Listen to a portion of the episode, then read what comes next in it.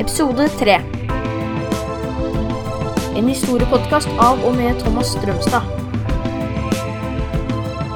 Nedgang og inn i union.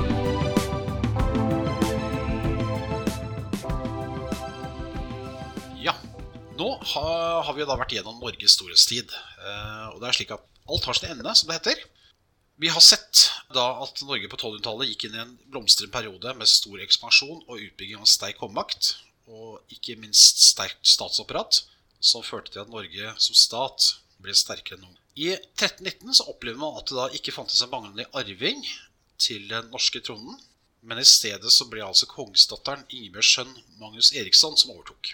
Han var sønn av en svensk adelsmann og var den første som ble da konge både i Norge og Sverige. Han var ikke noe særlig populær, og overlot derfor tronen til sin sønn Håkon Magnusson. Utover på 1300-tallet skjedde flere ting som skulle svekke den gamle, stolte norske kongemakt. I 1348-49 kom den store katastrofen i Norge. Svartedauden, brutale pest med opprinnelse på Krimhalvøya, drepte minst en tredel av Norges befolkning. Og den kom tilbake flere ganger. I tidsrommet 1348-49 til 1400 så døde altså 200 000 mennesker i Norge. Og det var ufattelig mye mennesker.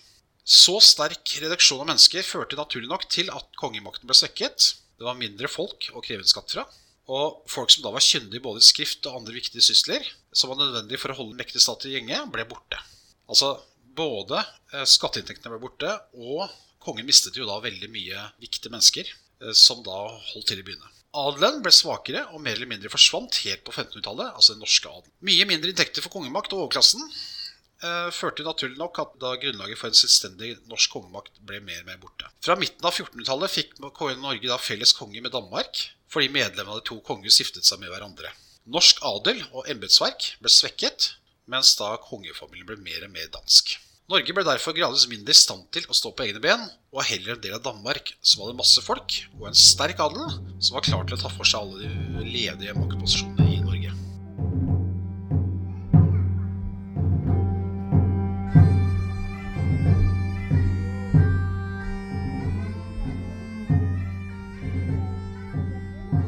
På 1300-tallet så vokste det fram en mektig gruppe av tyske handelsmenn i Nord-Tyskland. Hansaforbundet, som de kalte seg. Og de kontrollerte da store deler av handelen i Østersjøen. Kjente Hansa-byer er jo da som Lübeck, Bremen, Hamburg osv. Altså i Nord-Tyskland. Etter hvert så fikk de også stor kontroll over handelen langs norskekysten. Hansatene solgte korn og tok med, med seg tørrfisk tilbake til Tyskland. Med bedre skip enn de norske tok de da over all eksporten av norske varer til andre land. Etter hvert så fikk da altså tillatelse av kongen til å slå seg ned i Norge. Særlig Bergen fikk mange tyske kjøpmenn som dannet et eget samfunn i Bergen. Både når det gjaldt språk og kultur, skulle hanseatene få stor påvirkning eh, for samfunnet rundt seg. Det er jo Eksempler for eksempel, det er når vi snakker om Hansa-bryggeriet, Hansa-bryggen f.eks., så er jo dette her eh, jo da eh, en arv etter tyskere som da slo seg ned i Bergen. Også slik at i Bergen så var det jo en stor andel mennesker som snakket tysk faktisk i lang tid, før de da ble integrert i det norske eh, samfunnet.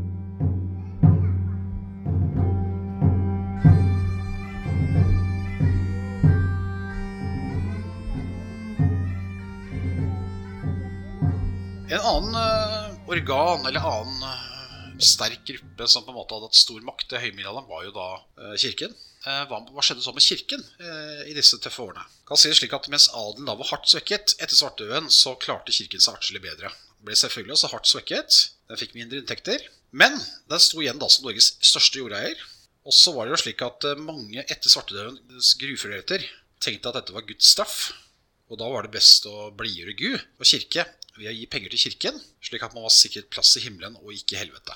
Erkebiskopen ble Norges mektigste mann, og han ble sjef for Riksrådet, som var kongens eh, støttende organ.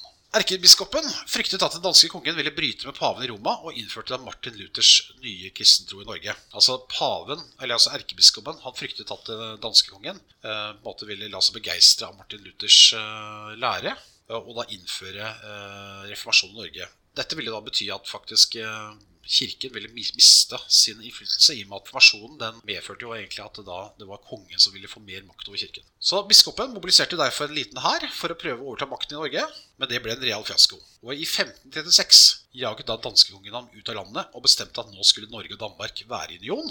Og denne unionen varte, som sikkert dere, flere av dere vet, helt fram til 1814. Nå har vi altså sett egentlig eh, i store trekk, kan man si, eh, på hva som skjedde egentlig fra 1319 til eh, 1536. Det er slik at Når vi nå skal gå videre, så skal vi da jobbe med det som vi kaller for dansketiden. Dvs. Si den perioden hvor virkelig Danmark satte sitt preg på Norge, eh, og hvor det norske samfunn og styre ble i veldig stor grad hva skal vi si, danskifisert. Så det kommer da fram til i neste episode.